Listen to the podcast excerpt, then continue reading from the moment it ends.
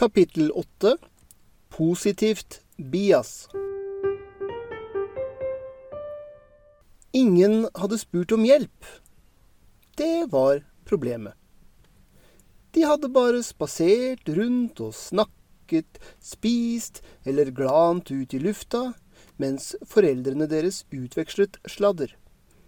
Av en eller annen uforståelig grunn hadde ingen bare sittet ned og lest ei bok, som betydde at hun ikke bare kunne sette seg ned ved siden av dem og ta ut sin egen bok.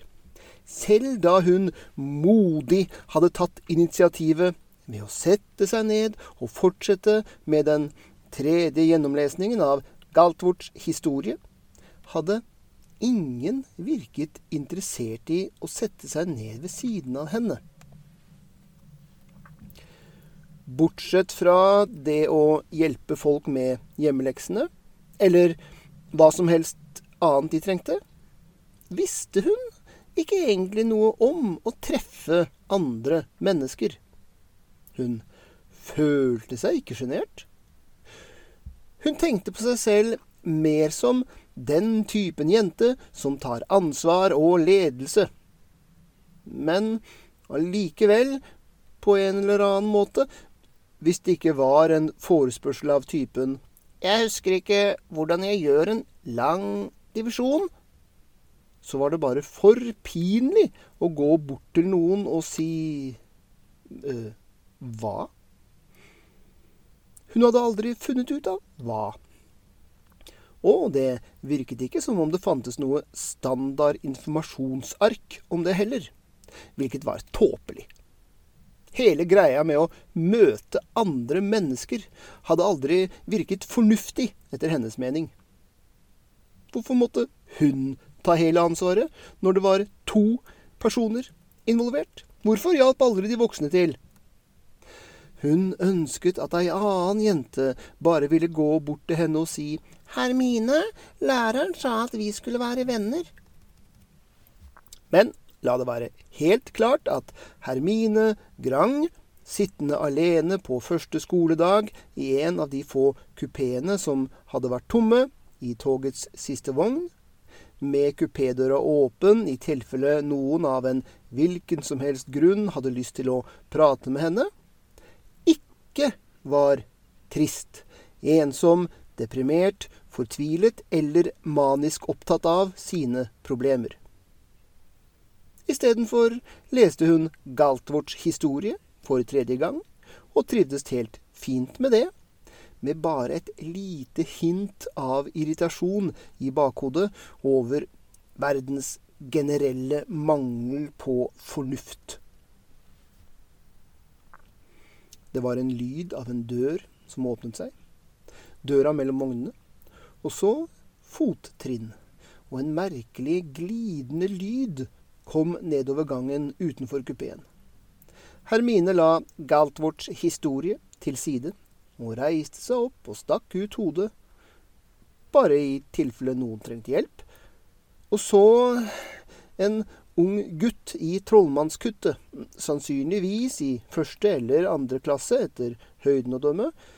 Og han så ganske dum ut med et skjerf surret rundt hodet.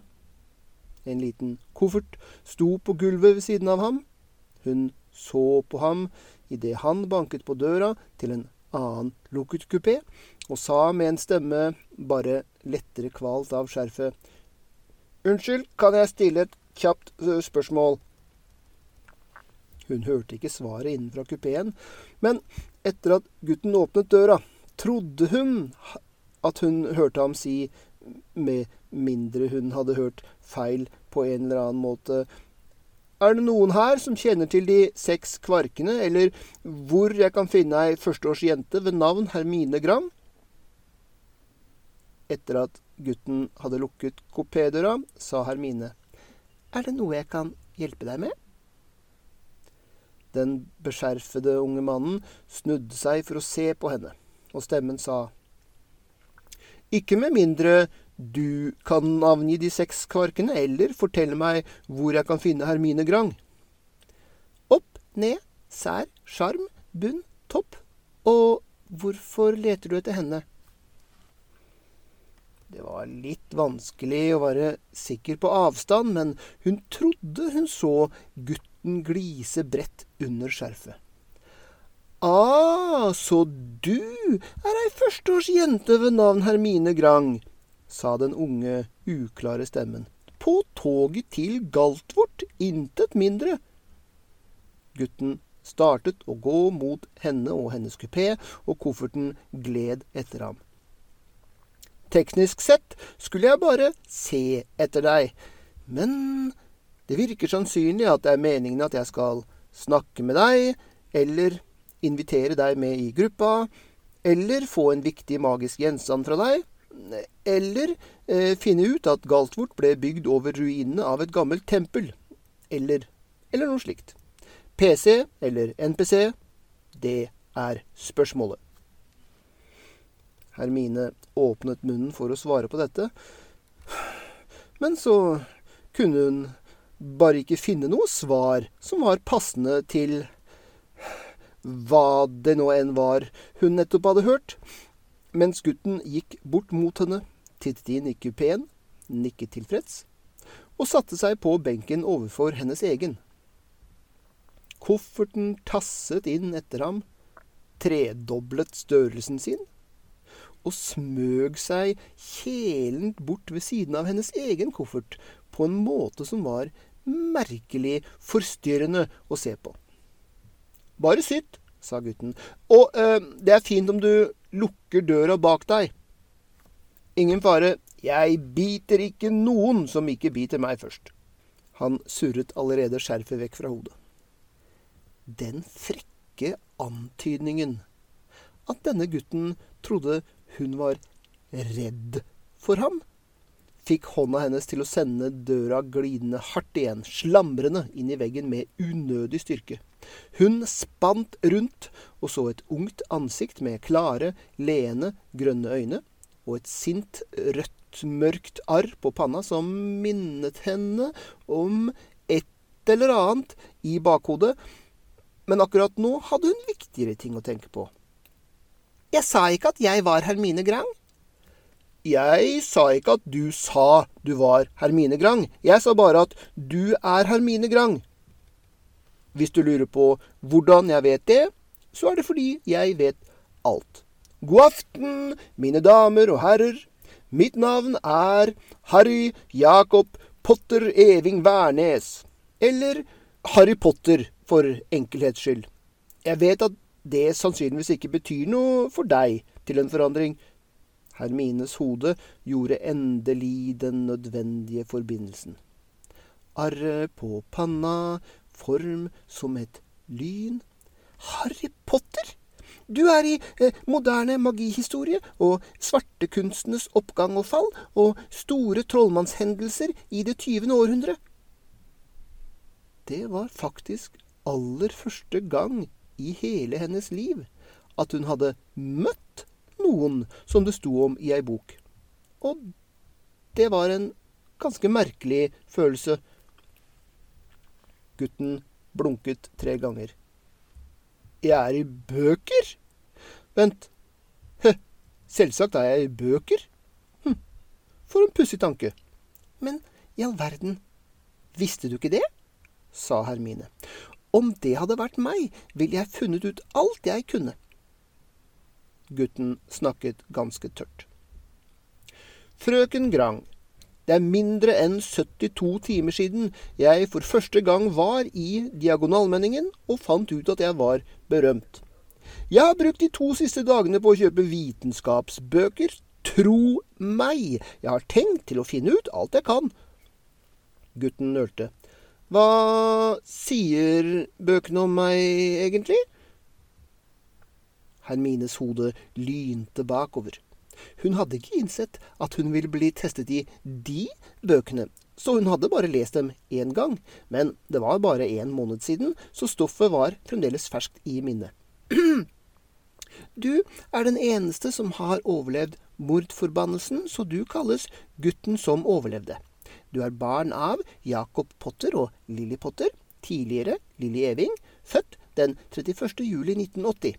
På den 31. oktober 1981 angrep han hvis navn må være unevnt, huset deres, eh, skjønt jeg vet ikke hvorfor.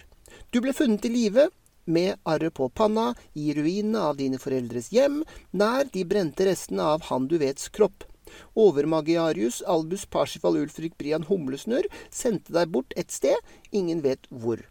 Svartekunstenes oppgang og fall hevder at du overlevde på grunn av din mors kjærlighet, og at arret ditt inneholder alle mørkets herres magiske krefter, og at eh, kentaurene frykter deg, mens store trollmannshendelser i det tyvende århundre ikke nevner noe slikt, og moderne magihistorie advarer om at det finnes mange ville teorier rundt deg.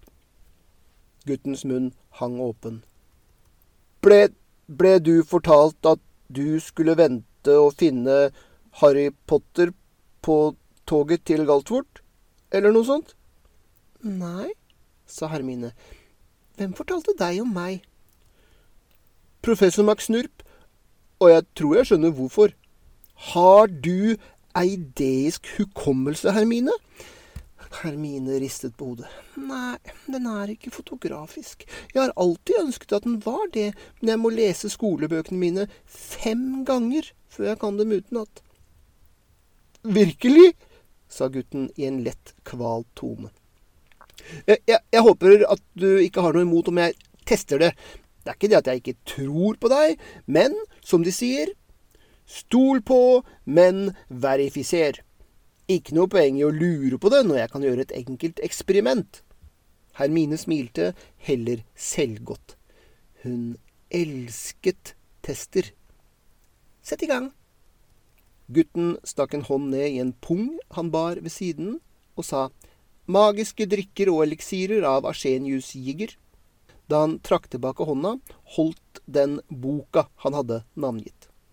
Øyeblikkelig ønsket Hermine en av de pungene, høyere enn hun noensinne hadde ønsket seg noe annet. Gutten åpnet boka et sted i midten og så ned. Hvis du ville lage skarphetsolje Jeg kan se den siden herfra, bare så du vet det. Gutten snudde litt på boka, så hun ikke kunne se innholdet mer, og bladde litt igjen. Hvis du skulle brygge en edderkoppklatringseliksir. Hva ville den neste ingrediensen være etter at du hadde lagt oppi akromantulasilken? Etter å ha sluppet nedi silken, vent til eliksiren har fått eksakt samme farge som en skyløs morgenhimmel, åtte grader fra horisonten og åtte minutter før den første delen av sola kommer til syne. Rør åtte ganger i venstrehåndsretning og én gang høyrehånds, og legg så til åtte drammeglass enhjørningssnørr. Gutten lukket boka med et skarpt smell og puttet den tilbake i pungen, som svelget den med en liten rapelyd. Vel, vel, vel, vel, vel, vel. Jeg vil gjerne komme med et forslag, frøken Grang. Et forslag? sa Hermine mistenksomt. Det var ikke meningen at jenter skulle høre på slike. Det var også ved dette tidspunktet at Hermine innså den andre tingen, eh, vel, en av de andre tingene, som var merkelig ved gutten.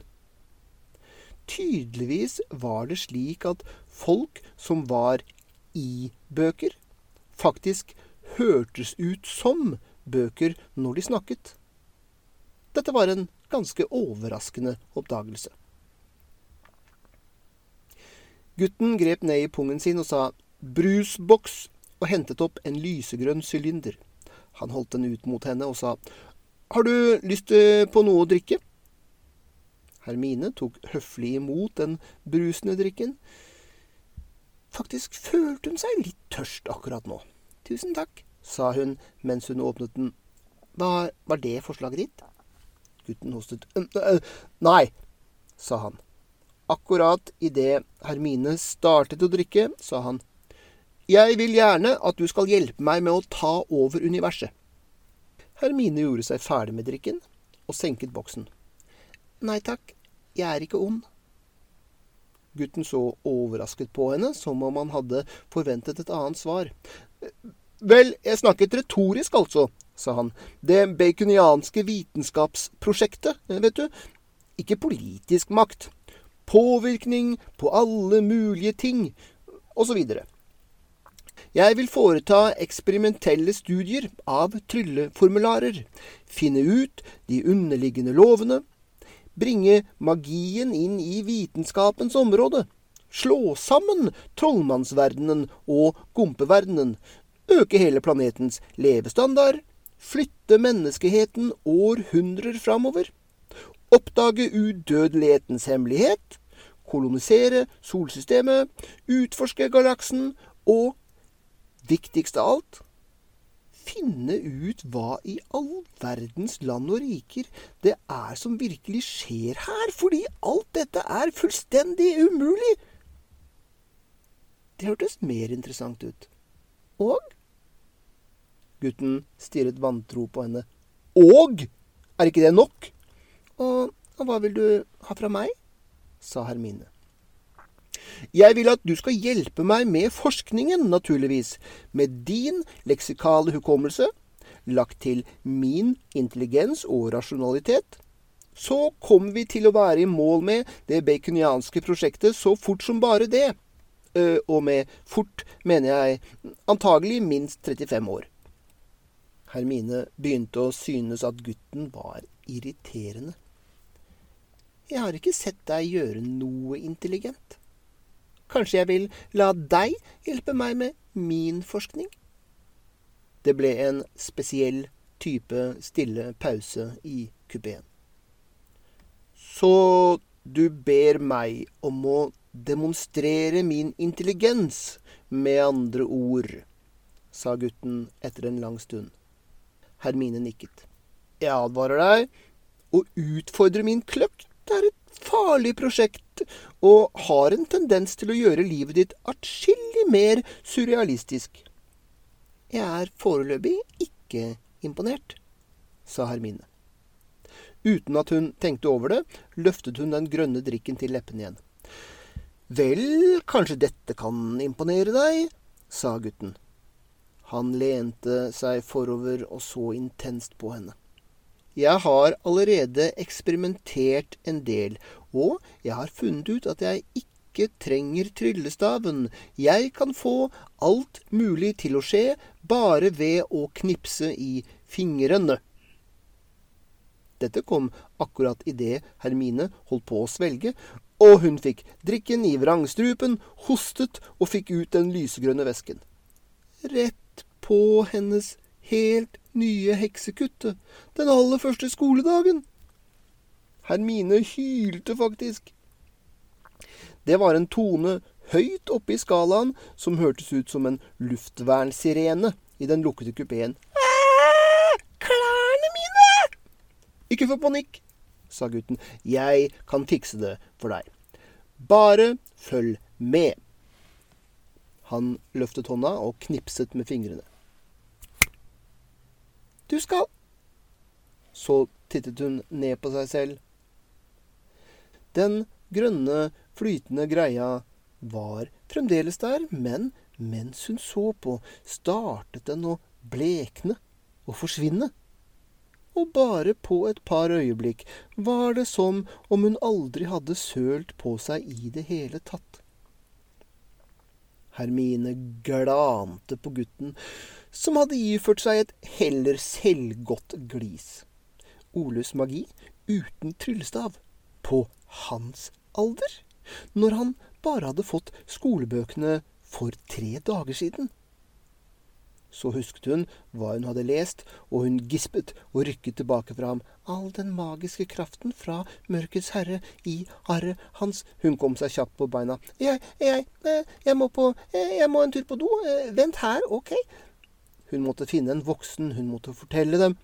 Guttens smil bleknet. Det var bare et triks, Hermine. Beklager, jeg, jeg mente ikke å skremme deg.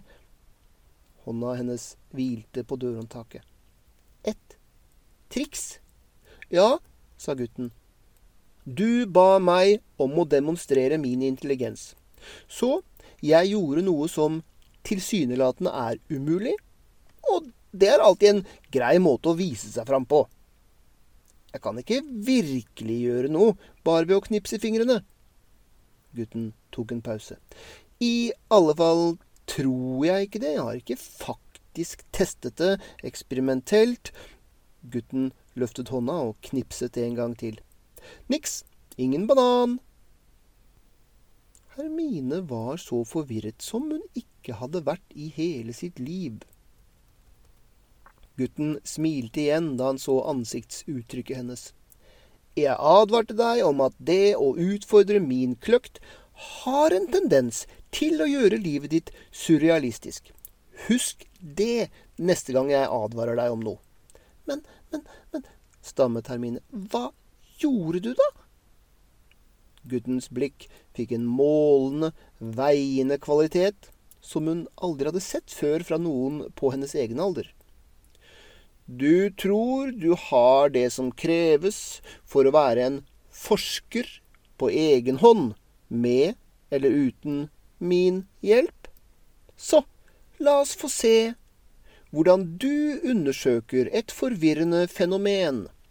Jeg Hermines hode ble helt tomt et øyeblikk. Hun elsket tester, men hun hadde aldri hatt en test som denne før. Febrilsk prøvde hun å gjenkalle alt hun hadde lest om hvordan forskere jobbet. Hjernen hennes skiftet gir, kvernet rundt seg selv og spyttet tilbake instruksjoner for å utføre et vitenskapelig undersøkelsesprosjekt. Trinn 1. Formuler en hypotese. Trinn 2. Gjør et eksperiment for å teste hypotesen. Trinn 3. Mål resultatene. Trinn 4.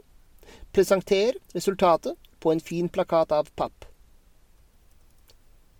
Trinn én var å finne en hypotese. Hmm, det betydde å forsøke å tenke på noe som kunne ha skjedd i dette tilfellet. Eh, ok, min hypotese er at du har kastet en formel på kutten min, slik at alt som søler på den, vil forsvinne. Ja vel, sa gutten. Er det svaret ditt? Sjokket holdt på å gli helt over nå, og Hermines hode startet å fungere skikkelig igjen. Vent! Det kan, det kan ikke være riktig. Jeg så ikke at du berørte tryllestaven din, eller sa noe formular, så hvordan kunne du ha kastet en formel? Gutten ventet med nøytralt ansikt.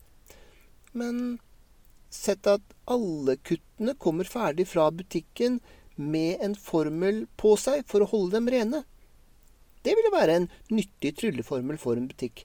Du fant ut dette ved å søle noe på deg selv tidligere. Nå løftet guttens øyenbryn seg. Er det svaret ditt? Nei, jeg har ikke gjort trinn to. Gjør et eksperiment for å teste hypotesen din. Gutten lukket munnen igjen og begynte å smile. Hermine tittet på brusboksen som hun automatisk hadde plassert i koppholderen ved vinduet. Hun tok den opp, tittet inni, og så at den var om lag en tredjedels full. Vel, sa Hermine, det eksperimentet jeg ønsker å gjøre, er å helle dette på kutten min og se hva som skjer. Min antagelse er at flekken vil bli borte. Det er bare det at hvis det ikke virker, så, så vil kutten min bli flekkete, og det har jeg ikke lyst til. Gjør det på min, sa gutten, så trenger du ikke å bekymre deg om flekker. Men, sa Hermine, det var noe galt med den tankegangen, men hun kunne ikke helt forklare hva det var. Jeg har ekstra kutte i kofferten, sa gutten. Men det er ikke noe sted du kan skifte, protesterte Hermine. Så kom hun på bedre tanker. Skjønt, jeg antar at jeg kunne jo gå ut og lukke døra. Jeg har et sted å skifte i kofferten også. Hermine tittet på kofferten, som, begynte hun å mistenke, var ganske mye mer spesiell enn hennes egen. Ok, da, sa Hermine, hvis du sier det på den måten. Og heller ivrig helte hun ut en skvett grønn brusende drikke på et hjørne av guttens kutte. Så stirret hun på den og forsøkte å huske hvor lang tid det tok forrige gang. Og den grønne flekken forsvant. Hermine slapp ut et sukk av lettelse, ikke minst fordi dette betydde at hun ikke var i nærvær av alle de magiske kreftene til Mørkets herre. Vel, trinn tre var å måle resultatene, men i dette tilfellet var det bare å notere at flekken hadde forsvunnet. Og hun antok at hun sannsynligvis kunne hoppe over trinn fire og lage en plakat. Mitt svar er at kuttene har en formel på seg for å holde dem rene. Ikke helt, sa gutten. Hermine følte et stikk av skuffelse. Hun ønsket virkelig at hun ikke hadde følt det på den måten. Gutten var ikke en lærer, men en test var en test, og hun hadde fått feil på et spørsmål. Og det føltes alltid som et lite slag mot magen. Det sa omtrent alt du trengte å vite om Hermine Grang, at hun aldri hadde latt dette stoppe seg, eller på noen måte innvirket på sin forkjærlighet for å bli testet. Det triste er, sa gutten, du gjorde antagelig alt boka sa du skulle gjøre. Du kom fram til et utsagn som ville skille mellom at kutten hadde eller ikke hadde en formel på seg, og du testet det og forkastet nullhypotesen om at kutten ikke hadde noen formel. Men med mindre du leser de aller, aller beste bøkene, så lærer de deg ikke helt hvordan du utfører vitenskap ordentlig bra nok til virkelig å få det rette svaret, mener jeg, og ikke bare få publisert nok en artikkel, som pappa alltid klager på. Mm, eh, så la meg forsøke å forklare, uten å røpe svaret, hva du gjorde feil denne gangen, og så skal jeg gi deg en sjanse til. Hun startet å mislike guttens å så overlegne tone, spesielt med tanke på at han var en elleveåring som henne. Men det var sekundært i forhold til å finne ut hva hun hadde gjort feil. Greit. Guttens uttrykk ble mer intenst. Dette er et spill basert på et berømt eksperiment som er kalt 246-oppgaven, og det virker på denne måten. Jeg har en regel, som jeg kjenner, men ikke du, som passer til noen tripletter av tre numre, men ikke andre. 246 er bare ett eksempel på en triplett som passer til denne regelen. Faktisk eh, La meg skrive ned regelen, bare så du vet at det er én bestemt regel. Så bretter jeg lappen sammen og gir den til deg. Ikke se, siden jeg gjettet fra tidligere at du kan lese opp ned. Gutten sa papir og trykkblyant til pungen sin, og hun lukket øynene tett sammen mens han skrev. Der, sa gutten, og han holdt et tett sammenbrettet papirstykke i hånda. Legg den i lomma di, sa han. Nå, måten dette spillet fungerer på, sa gutten, er at du gir meg en triplett bestående av tre sifre, og jeg sier ja hvis sifrene følger regelen, og nei hvis de ikke gjør det. Jeg er naturen, regelen er en av mine lover, og du undersøker meg.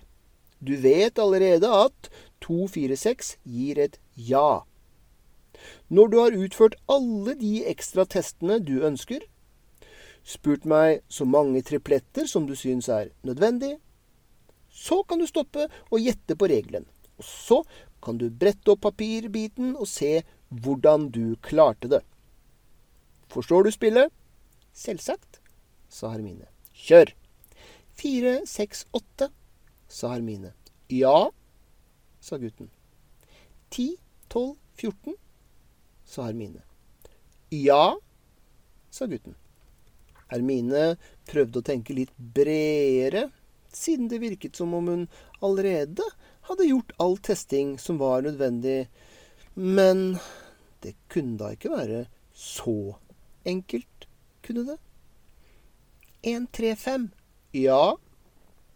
Minus tre minus én pluss én. Ja. Hermine kunne ikke tenke på andre ting å teste. Regelen er at sifrene må øke med to hver gang. Nå, la oss anta at jeg forteller deg, sa gutten, at denne testen er vanskeligere enn den virker fra starten, og at bare 20% av voksne som prøver, får det til.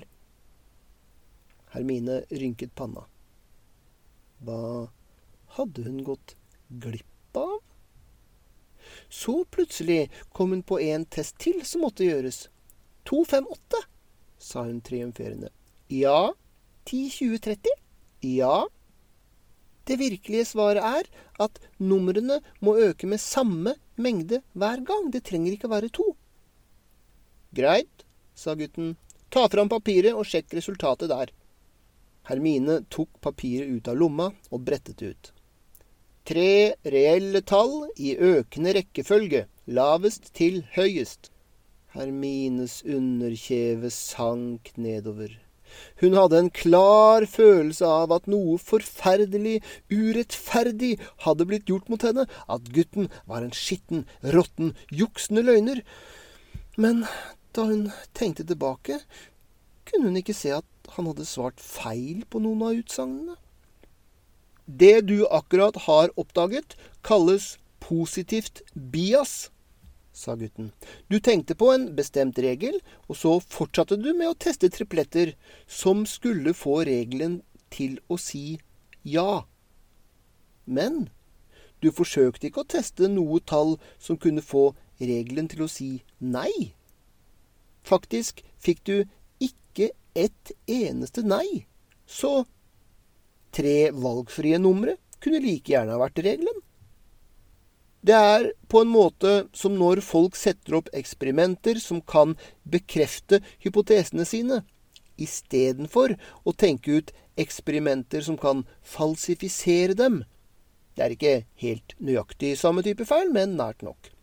Du må lære å se på tingenes negative side, stirre inn i mørket. Når dette eksperimentet utføres, er det bare 20% av voksne testpersoner som kommer fram til riktig svar. Og mange av de andre finner opp fantastisk kompliserte hypoteser og har stor tiltro til sine feilaktige svar, siden de har gjort så mange eksperimenter og alt forløp slik de forventet.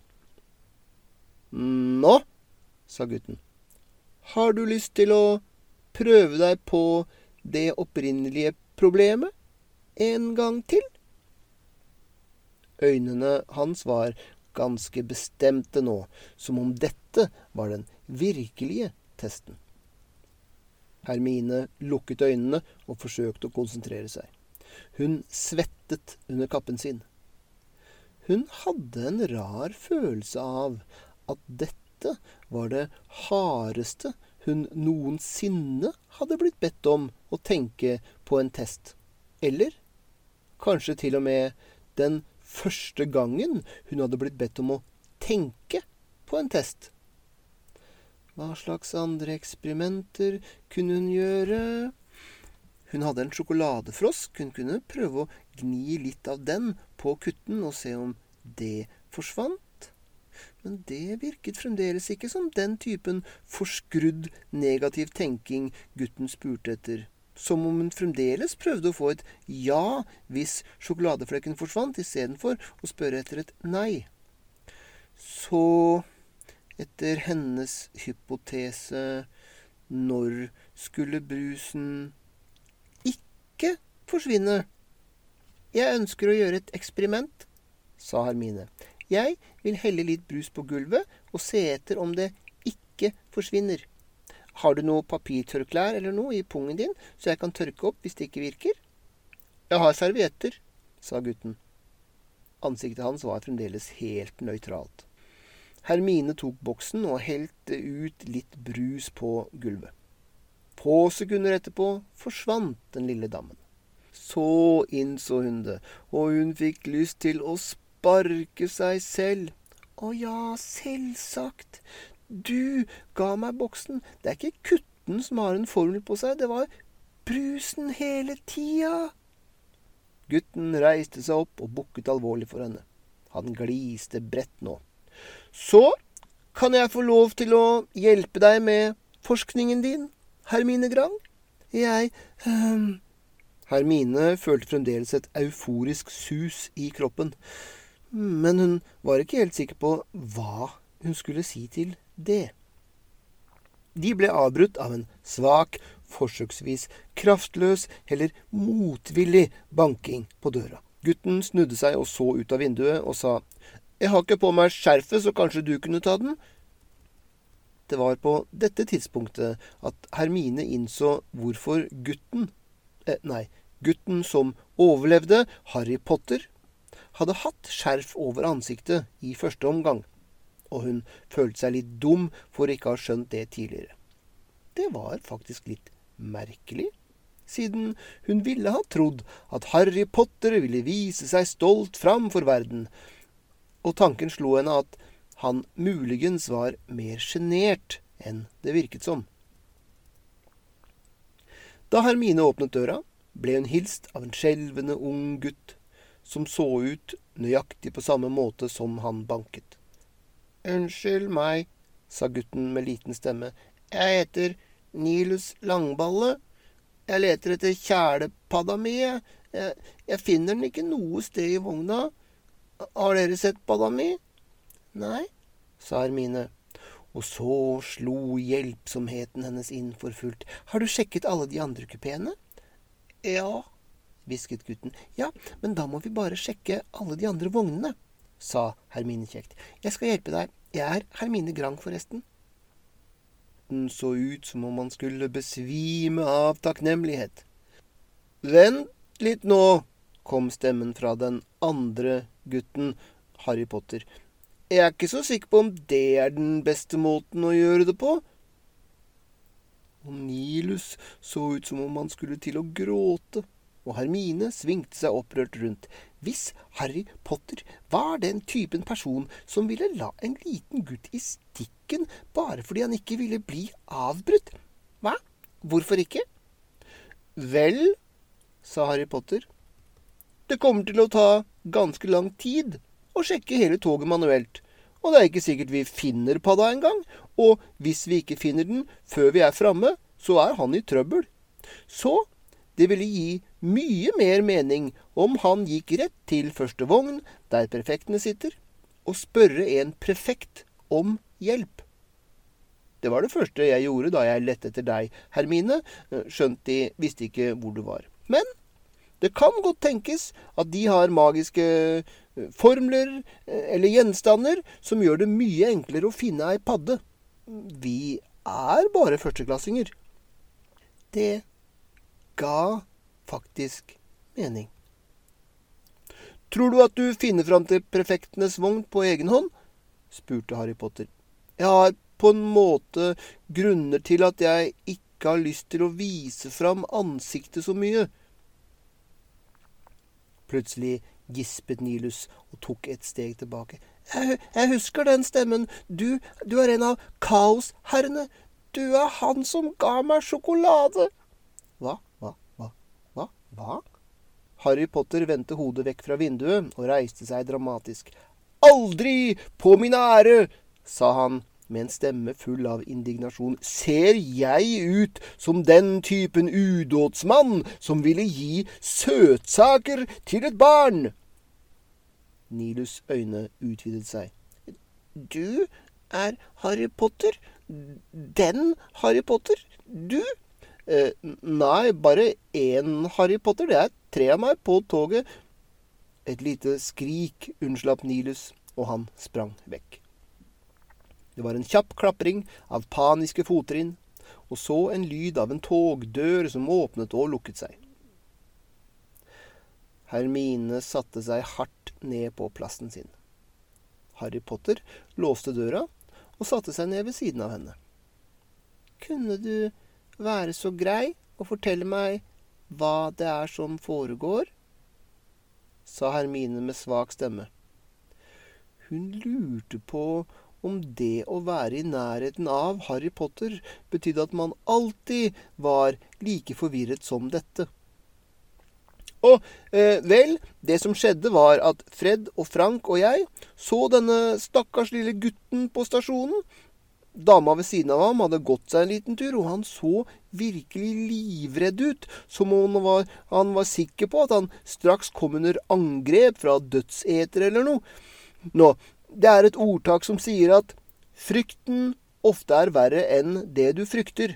Så det demret for meg at dette var en fyr som faktisk kunne tjene på å se sitt verste mareritt bli virkelig, og oppdage at det ikke var så ille som han fryktet.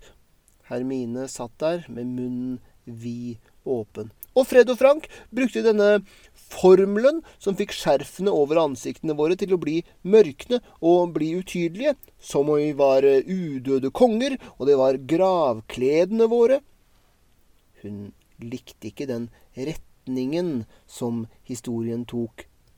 Og etter at vi hadde gitt ham alle søtsakene jeg hadde kjøpt, så var vi bare La oss gi ham noen penger! Ha-ha-ha! Ta noen fjong, gutt! Her! En sølvsigd!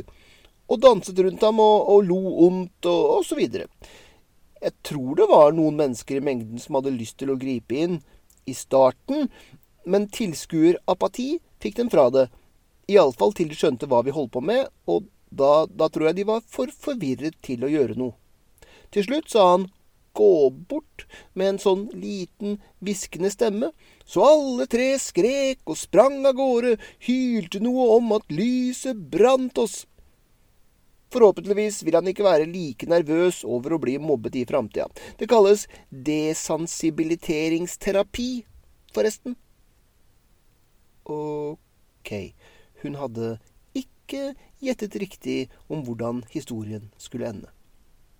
Den brennende indignasjonens flamme, som var en av Hermines hovedmotorer, flammet opp i lys lue, selv om deler av henne på en måte så hva han hadde prøvd å gjøre. Det, det er grusomt! Du er grusomt! Den stakkars gutten! Det du gjorde, var slemt! Jeg tror ordet du leter etter, er underholdende. Og uansett stiller du feil spørsmål. Spørsmålet er gjorde det mer godt enn vondt, eller mer vondt enn godt? Hvis du har noen argumenter til den problemstillingen, så vil jeg være glad for å høre dem, men jeg er ikke interessert i andre former for kritikk før det er avgjort. Jeg er definitivt enig i at det jeg gjorde tilsynelatende er forferdelig og bøllete og slemt, øh, siden det involverer en skremt liten gutt øh, osv. Men det er ikke hovedpoenget her, vel? Det kalles konsekvensialisme, forresten, som betyr at om en handling er rett eller feil, avgjøres ikke om den virker dårlig eller slem eller noe som det. Det riktige spørsmålet er hvordan utfallet blir, hva konsekvensene er. Hermine åpnet munnen for å si noe virkelig sviende. Men uheldigvis virket det som om hun hadde hoppet over den delen der hun tenkte ut noe å si før hun åpnet munnen. Alt hun kunne komme på, var Hva hvis han har mareritt? Ærlig talt, jeg tror ikke han der trengte vår hjelp til å få mareritt. Og hvis han har mareritt om dette istedenfor, så vil det være mareritt om forferdelige monstre som gir deg sjokolade. Og det var på en måte hele vitsen. Hermines hjerne hikket i forvirring hver gang hun prøvde å bli ordentlig sint. Er livet ditt alltid så pussig? sa hun til slutt. Harry Potters ansikt glinset av stolthet. Jeg gjør det så pussig. Du ser på et produkt av en mengde hardt arbeid og svette. Så sa Hermine og fant ikke helt noen måte å fortsette på. Så, sa Harry Potter, hvor mye vitenskap kjenner du egentlig til? Jeg kan gjøre kalkulus, og jeg kjenner til noe bayesiansk sannsynlighetsteori og beslutningsteori, og en hel del kognitiv vitenskap, og jeg har lest Feynman-avhandlingene, eller i volum 1 i det minste, og Judgment Under Uncertainty, Heuristics and Biases, og Language in Thought and Action, og Påvirkning, teori og praksis, og Rational Choice in an Uncertain World, og Godel, Escher, Bach og A Step Farther Out, og den påfølgende eksaminasjonen og moteksaminasjonen pågikk i flere minutter, før den ble avbrutt av nok en beskjeden banking på døra. Kom inn, sa hun og Harry Potter omtrent samtidig, og den gled opp, og Nilus langballe kom til syne. Nilus gråt faktisk nå. Jeg gikk til forreste vogn og fant en prefekt, men han fortalte meg at prefekter ikke skulle plages med sånne småting som savnede padder.